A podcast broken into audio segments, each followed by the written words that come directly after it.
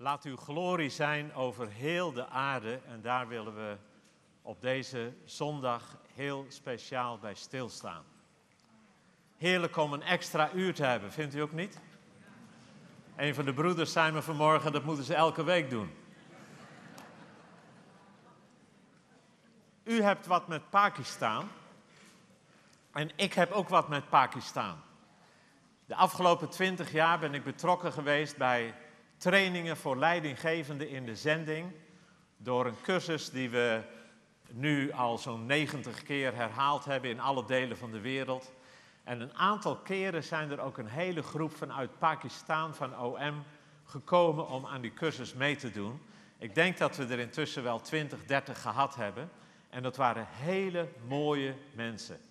En dan denk ik bij mezelf, u vanuit de gemeente steunt uh, die mensen in Pakistan. Dat is een geweldig voorrecht voor ons om dat te kunnen en te mogen doen. Om deze prachtige mensen te helpen in hun eigen land, onder omstandigheden waar ze helemaal vertrouwd mee zijn, hun eigen mensen te bereiken met het, met het goede nieuws van Jezus Christus. En uh, laat het u een voorrecht zijn om daarbij betrokken te mogen zijn. Net zo goed als het voor mij een voorrecht is om op mijn manier ook met die trainingen hun en anderen daarin te mogen helpen. Vandaag dan uh, gaan we nadenken en stilstaan bij het thema vandaag een kritiek moment. Er zijn heel veel dingen als je terugdenkt aan de geschiedenis dat je denkt, joh, dat had toen ook heel anders kunnen gaan. Morgen is het hervormingsdag.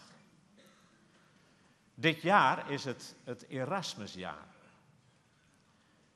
Omdat in 5, 1515, precies 500 jaar geleden, de Nederlandse priester, filosoof Erasmus besloot 2000 exemplaren, dat was toen nog nieuw, boeken drukken, maar die liet 2000 exemplaren van het Nieuwe Testament in het Grieks drukken en verspreiden. Zijn hartekreet was, laat de boer op het veld zich kunnen verblijden in de woorden van God. Hij wilde dat het beschikbaar kwam. Niet alleen maar voor de priester in de kerk, voor iedereen. Luther heeft het een paar jaar daarna vertaald in het Duits. Tyndale heeft het vertaald in het Engels. Ook de Nederlandse vertaling kwam uit, gedrukt door Jacob van Liesveld in Antwerpen. De man heeft het met zijn leven moeten bekopen, want een jaar of twintig daarna is hij verbrand op de brandstapel. William Tyndale is ook verbrand in veel voorden bij Brussel. Er is een hoge prijs betaald om ons dat prachtige woord van God in onze eigen taal te kunnen geven. Maar als je terugdenkt, dan denk je, tjoh, dat is toen gebeurd. Het had ook heel anders kunnen gaan. En zo willen we vandaag eens terugdenken aan momenten in de loop van de geschiedenis en de ontwikkeling van de kerk, om daar dingen uit te leren. En ook als je denkt in je eigen leven, dan denk ik dat je bewust bent van momenten waarop als je terugkijkt, dan zie je, joh, dat had toch ook heel anders kunnen gaan. Misschien wel hoe je als man en vrouw elkaar hebt leren kennen. Had heel anders kunnen gaan. Dan was je leven heel anders gegaan. Ik denk met name aan 1973, toen ik in november, en dat is nu dus uh, alles bij elkaar 43 jaar geleden, een weekend bijwoonde op de Veluwe. Uh, georganiseerd door OM en wat andere organisaties voor jonge mensen met een belangstelling voor de zending. Ik besloot erheen te gaan, want ik had belangstelling voor de zending. Ik was net tot geloof gekomen. En toen maakte ik tijdens het weekend een lange wandeling met Wilbert van der Laken van Jeugd met een Opdracht. En hij zei tegen mij, hij Joop, hij zegt, jouw leven is net als een schip. Een schip aan de kade, vastgebonden met de touwen. Daar kan je aan sturen wat je wil, maar dat schiet niet op. Je moet de touwen losmaken en dan gaan varen. Ook al is het maar een beetje, dan heeft sturen zin. Hij zegt, ga nou maar gewoon. Doe maar gewoon wat. Dan zal God je wel leiden van het ene naar het andere. En als ik nu terugkijk in mijn leven, ik heb het gedaan. Ik heb dat weekend besloten om een zomer met OM mee te gaan naar Italië. Ze zochten duizend mensen om in Italië alle steden en dorpen in het hele land in twee zomers uh, te voorzien van christelijke lectuur. En ik dacht, joh, dat lijkt me mooi. Ik ben uiteindelijk nooit in Italië terechtgekomen. Ik kwam in België. Die zomer leidde ertoe dat ik een jaar bleef in België. Daarna een zomer in Turkije. Toen weer een jaar in België. Toen een zomer op de Logos. En toen een jaar met een team in Nederland, daarna in India. En zo is het van het ene naar het andere gegaan. Die jongen zei tegen mij, ga er maar gewoon. Dan zal God je wel leiden. En dan denk ik als ik terugkijk, dat weekend was voor mij in mijn leven een kritiek moment. Het had toen ook heel anders kunnen gaan. Ehm, voordat we daarna gaan kijken vanuit de Bijbel, eerst ter inleiding, en dat is goed om dat in je achterhoofd te houden en te bewaren. Het feit dat God een plan heeft. Als je de Bijbel zelfs maar oppervlakkig leest, dan kun je, je niet, dan kun je er niet aan ontkomen om te zien dat, dat in de Bijbel God zijn plan ontvouwt. Je bent de Bijbel net begonnen of je komt bij de toren van Babel en de verwarring met al die talen. En het hoofdstuk daarna, Abraham, waarvan God zegt, Abraham, in jou zullen alle volkeren op aarde gezegend worden. En dan kom je later bij de psalmen, laat alle volkeren u prijzen, alle volkeren u loven. Dan kom je bij de profeten met de profetie over de komende Messias. Het is mij te gering dat je alleen de stammen van Jacob wederop zou richten. Zie, ik stel je tot een licht der volkeren. Dan komt Jezus die zegt het koninkrijk van God. Ze zullen komen uit noord, zuid, oost en west en aanliggen in het koninkrijk van God. En dan wordt hem gevraagd, wanneer gaat u weer terugkomen? En zegt hij, dit evangelie zal gepredikt worden aan alle volkeren en dan zal het einde komen. En voor zijn hemelvaart zegt hij, ga dan heen, maak al de volkeren tot mijn discipelen. En dan de handelingen der apostelen, met de apostelen die de wereld ingaan. Met name Paulus in de handelingen. En die gemeente sticht in Turkije, in Griekenland, in Albanië. En, uh, en brieven schrijft aan gestichte gemeenten. In Efeze, Thessalonica, Filippenzen en, en Romeinen. En dan sluit het af met de openbaring, een prachtig vergezicht waarin ons Jezus wordt getoond met mensen uit alle volkeren, naties en stammen om Hem te aanbidden en Hem te eren. Dat is de rode draad die je zelfs bij het oppervlakkig lezen van de Bijbel tegenkomt. En dat is het plan van God. Het plan van God met alle volkeren op aarde.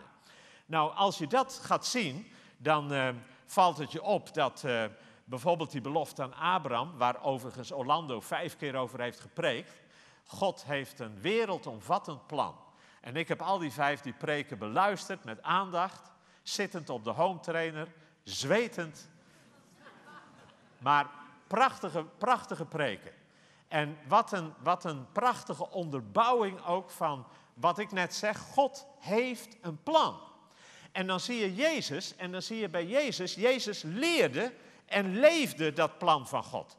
In Matthäus 4, daar staat iets waar je makkelijk overheen leest, maar wat heel veel betekenis in zich draagt. Hij liet Jezus, hij liet Nazareth achter zich en ging wonen in Cafarnaum aan het meer van Galilea in het gebied van Zebulon en Naphtali. Het Galilea van de heidenen. Historici zeggen nu dat toen waarschijnlijk meer heidenen in Galilea woonden dan Joden. En vandaar de naam het Galilea van de heidenen. Net zo goed als er veel meer Joden buiten Israël woonden als in Israël. En uh, dan staat er dat Jezus gaat wonen in Cafarnaum, aan het meer van Galilea. Dat is iets waar je makkelijk overheen leest, maar wat eigenlijk heel opmerkelijk is. Jezus, dan ga je toch wonen in Jeruzalem, dat is het centrum van de Joodse cultuur, de Joodse historie, de Joodse godsdienst. Dat is waar de tempel staat. Dat is waar het gebeurt. Dat is waar de Joden van einde en ver uit de wereld naartoe komen als er wat te vieren valt. Jeruzalem, daar moet je zijn. En dan gaat hij wonen in Cafarnaum. Cafarnaum is 130 kilometer bij Jeruzalem vandaan. Dat kun je zien op het volgende kaartje. Heel ver bij Jeruzalem vandaan. Je zou zeggen, hij kan niet verder of dan valt hij van de kaart van Israël vandaan. En dan zie je die rode lijnen, dat zijn de omzwervingen die Jezus heeft gemaakt. Dat was niet alleen in Israël, hij gaat helemaal naar Tyrus en Sidon, dat ligt in Libanon. Hij gaat helemaal naar Syrië en naar Jordanië, het land van de Decapolis. Jezus, wij noemen hem zoon van God. Hij noemt zichzelf geen zoon van God, hij noemt zichzelf keer op keer zoon des mensen. Want hij is gekomen voor het Joodse volk, maar niet alleen. Hij is gekomen voor alle volkeren en alle mensen. En om zich daarmee te identificeren, noemt hij zich zo.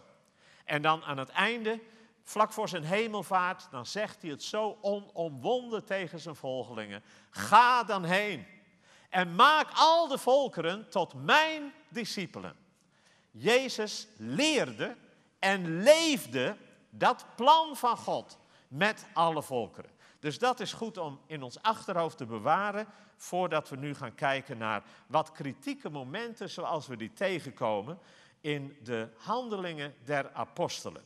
Het eerste kritieke moment, dat is de vraag, zou die eerste kerk het evangelie wel gaan doorgeven aan anderen of voor zichzelf houden? Je moet goed begrijpen dat op de Pinksterdag, dan is er wat te vieren. Het 50-dagenfeest, een Joods feest waar Joden voor uit Noord-Afrika, Italië, Griekenland, Turkije, uh, Syrië, Jordanië, nou noem ik maar even de namen zoals het ze vandaag hebben, die komen allemaal naar Jeruzalem om dat feest te vieren. Tijdens dat feest komt Petrus en die gaat het evangelie verkondigen, de eerste keer. En dat maakt zo'n impact. 3000 mensen komen tot geloof. En even later zijn het er al 5000. Maar het is allemaal in Jeruzalem. En wat zal die gemeente in Jeruzalem, een megakerk, zomaar in één klap op één dag, wat zal die kerk genoten hebben van het onderwijs van de apostelen? Die doorgeven wat ze zelf van Jezus hebben gehoord en geleerd. Ze zullen ervan gesmuld hebben. Maar de vraag is, hoe lang zal dat doorgaan? Zal het moment komen dat het evangelie vanuit die gemeente ook naar anderen zal worden gebracht? Zou de eerste kerk het evangelie doorgeven aan anderen of voor haarzelf houden? En als je dan de handelingen der apostelen doorleest, dan zie je, God zij dank, ze hebben het doorgegeven. Maar vanzelf ging het niet. Dan kom je in hoofdstuk 8 en daar staat Saulus, die eh, keurt de moord op Stefanus goed. Stefanus was de eerste martelaar die zijn geloof met de dood moest bekopen. En dan staat er nog diezelfde dag brak er een hevige vervolging los tegen de gemeente in Jeruzalem, zodat allen verspreid werden over Judea en Samaria. Allen worden verspreid over Judea en Samaria, buiten de muren van Jeruzalem. Met uitzondering van de apostelen. Die blijven kennelijk in Jeruzalem, daar kom ik zo op terug. Maar God zij dank, ze zijn er dus op uitgegaan om het evangelie ook aan anderen te verkondigen. Maar vanzelf ging het niet. Maar het gebeurde, want God zat erachter. Het tweede kritieke moment, dat is de vraag, maar zouden de Joden het wel gaan doorgeven aan mensen die geen Joden zijn?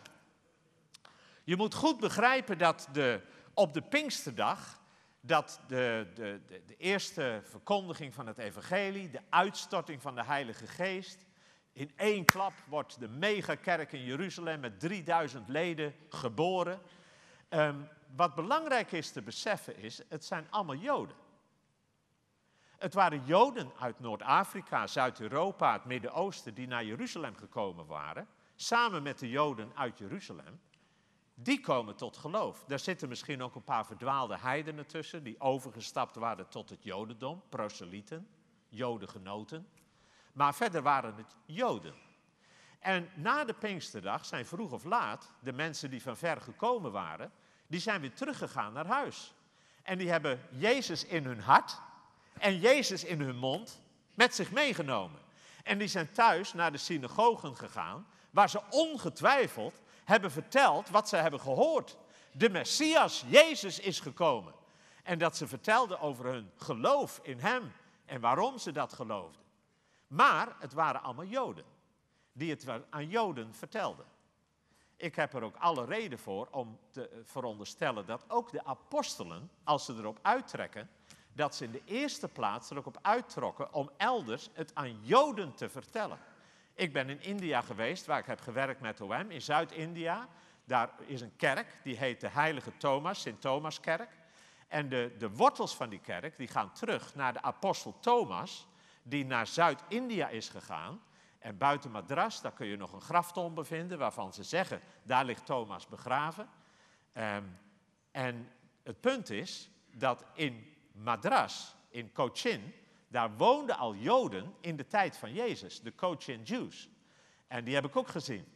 En ehm, de indruk is dat die apostelen overal daar naartoe gingen waarvan ze wisten, daar zitten ook onze volksgenoten die het moeten horen. En dan de Joden het verteld hebben en vanuit de Joden ook naar heidenen zijn gegaan. Maar ehm, het punt is, het waren in het begin allemaal Joden. En de vraag is, zouden die Joden het wel gaan vertellen aan mensen die geen Joden waren? En dan zien we, God zij dank, het is wel gebeurd. Anders hadden wij hier nog zitten wachten op het horen van het evangelie. Het is wel gebeurd. Maar vanzelf ging dat niet. In Handelingen 10, daar krijgt Petrus een visioen. In dat visioen wordt hem geleerd, Petrus, wat ik rein verklaar, mag jij niet meer onrein noemen. Tegelijkertijd krijgt een, een, een Italiaanse legercommandant Cornelius, die krijgt een engel op bezoek. En die engel die vertelt hem dat hij Petrus moet laten halen in Joppe. En dan krijgt hij adres, namen en, en, en straat en postcode en alles erbij. En hij, hij zegt, die moet je laten brengen, want die heeft iets belangrijks voor je.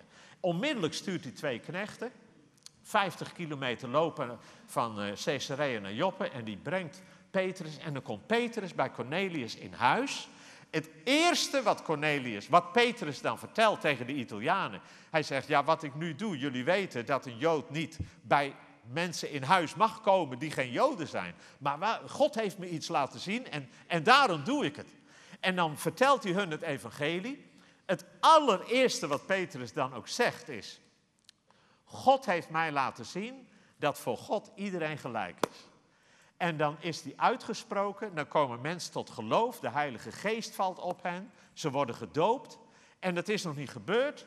Of Petrus zijn mobiele telefoontje gaat, Jacobus aan de lijn, uh, in Jeruzalem. Hallo Jacobus, Hé, hey, waar zit je? Ja, ik zit bij Italianen in huis. Wat doe je daar? Kom onmiddellijk naar Jeruzalem. En daar gaat Handelingen hoofdstuk 11 over. Want dan moet Petrus in Handelingen hoofdstuk 11 verantwoording afleggen van wat hij heeft gedaan. De apostelen en de gemeenteleden in Judea hoorden dat ook de heidenen Gods woord hadden aanvaard. Toen Petrus terugkwam in Jeruzalem, toen spraken de Joodse gelovigen hem her hierover aan. En die verweten hem dat hij bij onbesnedenen was geweest en dat hij samen met hen spaghetti had gegeten. Die spaghetti staat er niet, maar het waren Italianen. Dus. Maar het punt was, het was zo'n barrière voor hun. Het was zo'n barrière, dat kunnen we ons niet goed voorstellen. En de vraag was, zouden zij als Joden het wel aan niet-Joden gaan vertellen? En nou weten we, het is gebeurd. God zij dank, het is gebeurd. Maar vanzelf ging het niet. Het gebeurde, want God zat erachter. God had een plan. God heeft een plan. En dan kom je bij het volgende kritieke moment, waarop het ook heel anders had kunnen gaan. En dat is de vraag, maar zouden de apostelen wel gaan naar alle volken? De apostelen hadden de opdracht om dat te doen, maar zouden ze dat wel doen? En dan zie je, dat ging ook allemaal niet vanzelf. Want Jezus heeft het hun zo duidelijk verteld. We hebben al gezien in hoofdstuk 8 bij de dood van Stefanus dat uh, iedereen wordt verspreid. En er staat erbij, met uitzondering van de apostelen. Die bleven in Jeruzalem. En dan zie je in Handelingen hoofdstuk 11, wat ik net gelezen heb. Petrus is in, bij het huis van Cornelius geweest. En dan wordt hij op het matje geroepen in Jeruzalem. En daar staat, um, dat hij uh, daar, uh, even kijken, toen hij terugkwam, toen spraken de gelovigen hem hierover aan. En uh, in vers 1 staat het gelijk, de apostelen en de gemeenteleden in Judea hoorden dat. Die zijn nog altijd in Jeruzalem. Sommigen denken dat wat er gebeurt bij Cornelius tien jaar na de Pinksterdag is. En de apostelen die allemaal zeiden toen Jezus zei, ga dan heen, maak alle volkeren tot mijn discipelen. Ja heer, dat zullen we zeker doen. Tien jaar later zitten ze nog in Jeruzalem. En de vraag is, zullen ze gaan? Dan zien we dat Paulus, die komt op een miraculeuze wijze komt hij tot bekering. Paulus gaat zijn eerste zendingsreis ondernemen. Op die eerste zendingsreis ziet hij allerlei heidenen tot geloof komen. Sommige joden zeggen dan, die heidenen moeten zich ook laten besnijden, net als wij. Maar Paulus moet er niks van weten. Paulus zegt helemaal niet. Ze geloven en dat is voldoende. En dan ontstaat er een geschil. En dan staat er in vers 2 van hoofdstuk 15, na Paulus' zijn eerste zendingsreis. Dit leidde tot grote oneenigheid met Paulus en Barnabas. En mondde uit in een felle woordenstrijd. Besloten werd dat Paulus en Barnabas, net terug van hun eerste zendingsreis, samen met een paar andere leerlingen naar Jeruzalem zouden gaan om deze kwestie voor te leggen aan de apostelen. Paulus is terug van zijn eerste zendingsreis en ze zitten allemaal nog in Jeruzalem. En de vraag is, maar zouden ze wel gaan? Zouden ze wel doen wat Jezus hun gevraagd heeft? Maak al de volkeren tot mijn discipelen. En dan zien we, God zij dank, ze zijn gegaan. Maar ging niet zomaar. Het gebeurde, want God zat erachter. God had een plan. En uit de overleveringen weten wij nu dat ze gegaan zijn. En de, lijst van landen waar ze naartoe zijn gegaan is indrukwekkend lang. Tunesië, Italië, Griekenland, Macedonië, Albanië, de Krim, West-Rusland. Ze zijn gegaan naar Jordanië, naar Syrië, naar Iran. Thomas is helemaal naar India gegaan. Ze zijn gegaan. En volgens de overleveringen hebben ze het allemaal met de dood moeten bekopen. Waarschijnlijk behalve één, maar zelfs dat is niet helemaal zeker. En dat is de apostel Johannes. Die is misschien de enige die een natuurlijke dood gestorven is. De rest heeft hun leven gegeven om te doen wat Jezus hun gevraagd had. Maar, en dat is mijn punt, vanzelf ging het niet. Het gebeurde, want God zat erachter.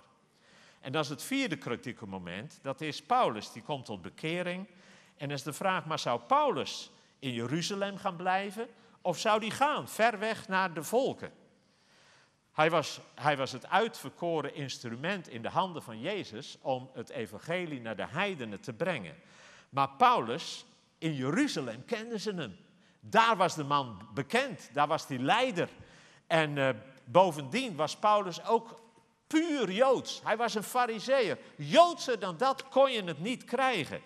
En in Jeruzalem, daar kon hij wat betekenen, daar kon hij impact maken. Bovendien was Paulus een man met een enorme bewogenheid om zijn eigen volk. Hij verwoordt dat in Romeinen 9, bijvoorbeeld in vers 2, waar hij schrijft: Ik ben diep bedroefd en ik word voortdurend door verdriet gekweld, omwille van mijn Joodse volksgenoten. En dan zegt hij in Romeinen 10, vers 1: Ik wens uit de grond van mijn hart en ik bid tot God dat zij zullen worden gered.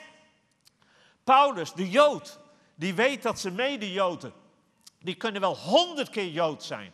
Maar als ze niet geloven in het verzoenend offer van Christus, dan worden ze niet gered.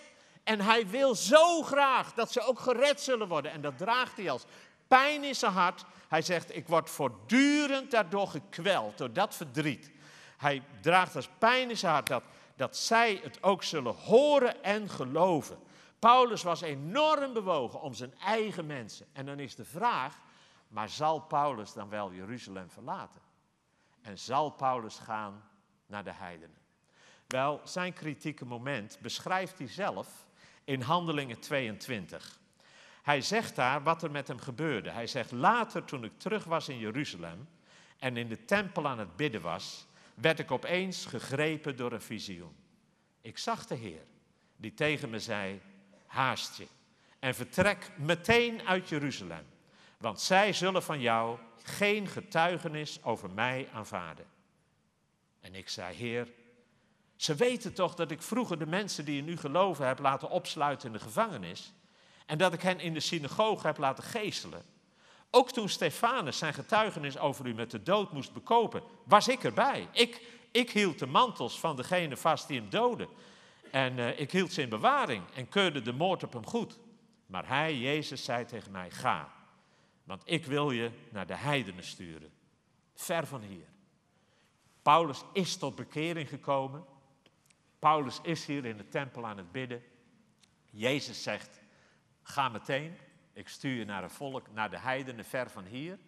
En Paulus presteert het om met Jezus in discussie te gaan. Hij zegt, ja Jezus, dat is wel uw plan, maar ik heb een veel beter plan. Want hier in Jeruzalem, daar kennen ze me. Ze kennen mijn verhaal, ze weten allemaal van mijn verandering.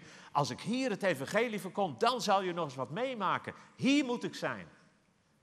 Jezus laat hem beleefd uitspreken. Maar als die uitgesproken is, dan zegt hij: ga meteen en vertrek van hier. En Paulus gaat. God zij dank dat Paulus is gegaan als zendeling naar ons Europa. Maar het had zomaar heel anders kunnen gaan. Het gebeurde wel, maar het gebeurde niet zomaar. Het gebeurde omdat God erachter zat. De les die je hieruit leren kunt bij Paulus is dat bewogenheid voor mensen dichtbij, dat kan je ook gemakkelijk misleiden. En dat is ook bij ons zo. Want mensen dichtbij, die ken je. Die nood, die, die, die staart je aan alle kanten tegemoet. En het is niet moeilijk om daar bewogen voor te zijn. Maar dat mag ons nooit weerhouden van het zicht op Gods plan. Gods plan met alle volkeren. Ik werk nu 42 jaar bij OM. Ik heb ontiegelijk veel presentaties en spreekbeurten gehouden om over de zending en over OM te praten. En het heel vaak meegemaakt dat mensen na afloop zoiets tegen me zeiden als van... Broeder Strietman, wat fijn dat OM dat allemaal doet. En dat u dat ook allemaal doet. Maar de nood in Nederland is toch ook zo groot? Ja, de nood in Nederland is inderdaad heel groot. Maar als dat betekent dat je denkt dat je daarom hier moet werken en niet daar, maak je een geweldig grote fout. Als de eerste christenen dat hadden gedacht, dan zaten ze nog in Jeruzalem want er was nooit een tijd gekomen dat iedereen in Jeruzalem een volgeling van Jezus was geworden. Er was nooit een moment in Jeruzalem gekomen dat ze niet hoefden te zeggen: ja, maar de nood in Jeruzalem is ook nog zo groot. Nee, Jezus zegt ook niet: je moet eerst in Jeruzalem, daarna in Judea en Samaria en daarna tot de uiterste draden. Hij zegt: Gij zult mijn getuige zijn in Jeruzalem en Judea en Samaria en tot aan de uiterste draden. Het is en, en, en. Het is niet eerst en dan en dan. Bewogenheid voor eigen mensen kan ons ook makkelijk op het verkeerde been zetten. Paulus is gegaan, God zij dank. Zijn eerste reis deed hij in 46 na Christus, zijn tweede 49 na Christus en zijn derde reis 53 na Christus. Ruim tien jaar, wat heeft die man ontzettend veel werk gedaan. Hij reisde 16.000 kilometer over land. Dat is niet de zeetochten erbij inbegrepen. Die komen daar nog bovenop. Maar over land, lopend. Er gingen geen bussen, er gingen geen treinen in die tijd. Wat heeft die man ontzettend veel gedaan. En dan kom je bij het vijfde kritieke moment. Zouden die eerste kerken het na de dood van de apostelen wel verder gaan verspreiden? Godzijdank hebben ze dat gedaan. De eerste kerken die hebben al het evangelie verspreid tot in China toe en naar India toe. En daar zijn we zeker van, door wat we daar nu van hebben gevonden. En dat gaat gelukkig tot de dag van vandaag toe door. En dan leven wij in een bijzondere tijd dat er nu hele bijzondere dingen gebeuren, met name in dat 1040 raamwerk waar u als gemeente uw zendingsfocus op richt. En dan met name in de moslimwereld.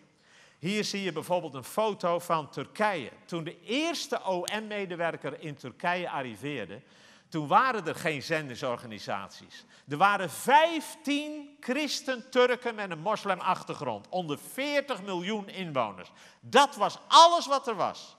Nu zijn er ruim 5000 in ruim 100 gemeenten met een Turkse evangelische alliantie, die zelf zendelingen uitstuurt naar andere Turks sprekende landen. Nou, je zit me aan te kijken alsof je dat soort dingen elke week hoort. Als ik dat hoor, dan zeg ik, prijs de Heer, halleluja. Fantastisch. En uh, dat is in een land waar de, de, de ruïnes liggen van de eerste kerken? Efeze, waar de kerk ooit begon. Ik heb mijn, mijn eerste zomer met OM in België gewerkt. Mijn tweede zomer heb ik in Turkije gewerkt in 1975. Toen heb ik met een oude Ford Transit, met de man, ik heb er maar een pijltje bij gezet wie ik ben. Anders gelooft u niet dat ik ooit vroeger zwart haar had. Die jonge man van 23 jaar, die u daar op de foto ziet. Maar we hebben in die Ford Transit 12.000 kilometer het hele land drie keer rondgereden om 40.000 folders uit te delen. We deden het s'nachts, heimelijk, hopend dat we niet gearresteerd zouden worden en het land uit zouden worden gezet. Maar zo is het allemaal begonnen. En als je dan vandaag ziet, Nu worden er elk jaar 10.000 nieuwe testamenten in hedendaags Turks verspreid, onder andere voor een christelijke schriftelijke Bijbelcursus. Ik heb een mooi boek meegenomen, daar kunt u er eens wat over lezen, want u, u bent geïnteresseerd in het 1040 raamwerk. En het is belangrijk om er af en toe eens een goed boek over te lezen. Dit gaat over een Zuid-Afrikaanse politieman. Die besluit om zendeling te worden met OM in Turkije. In dit boek beschrijft hij zijn verhaal. Het is geen happy end.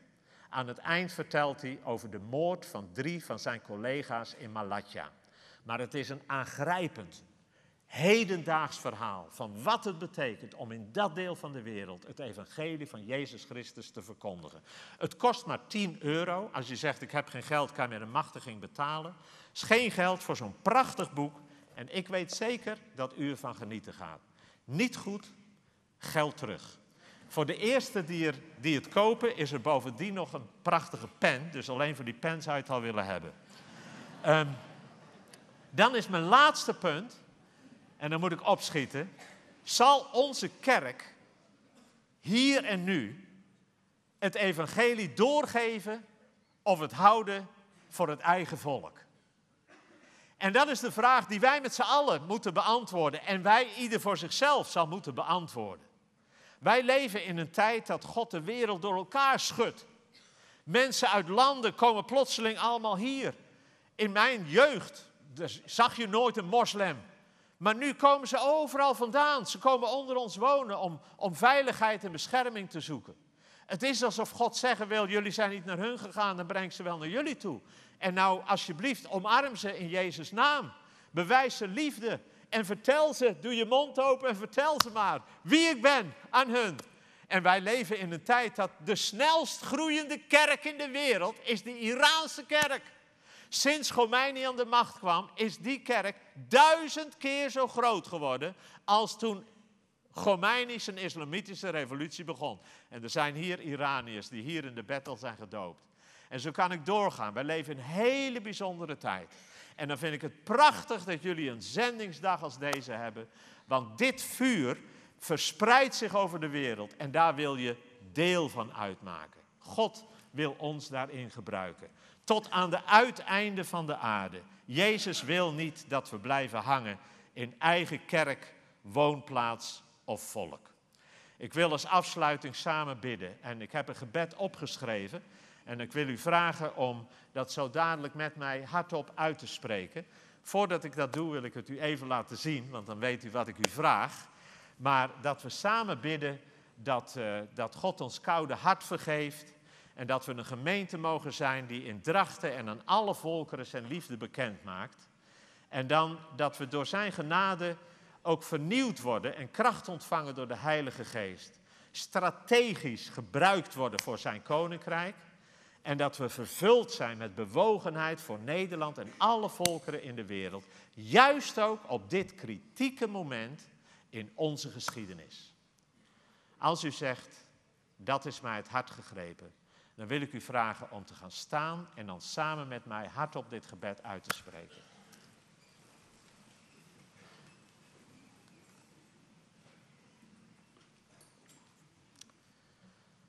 O God, dit is ons kritieke moment.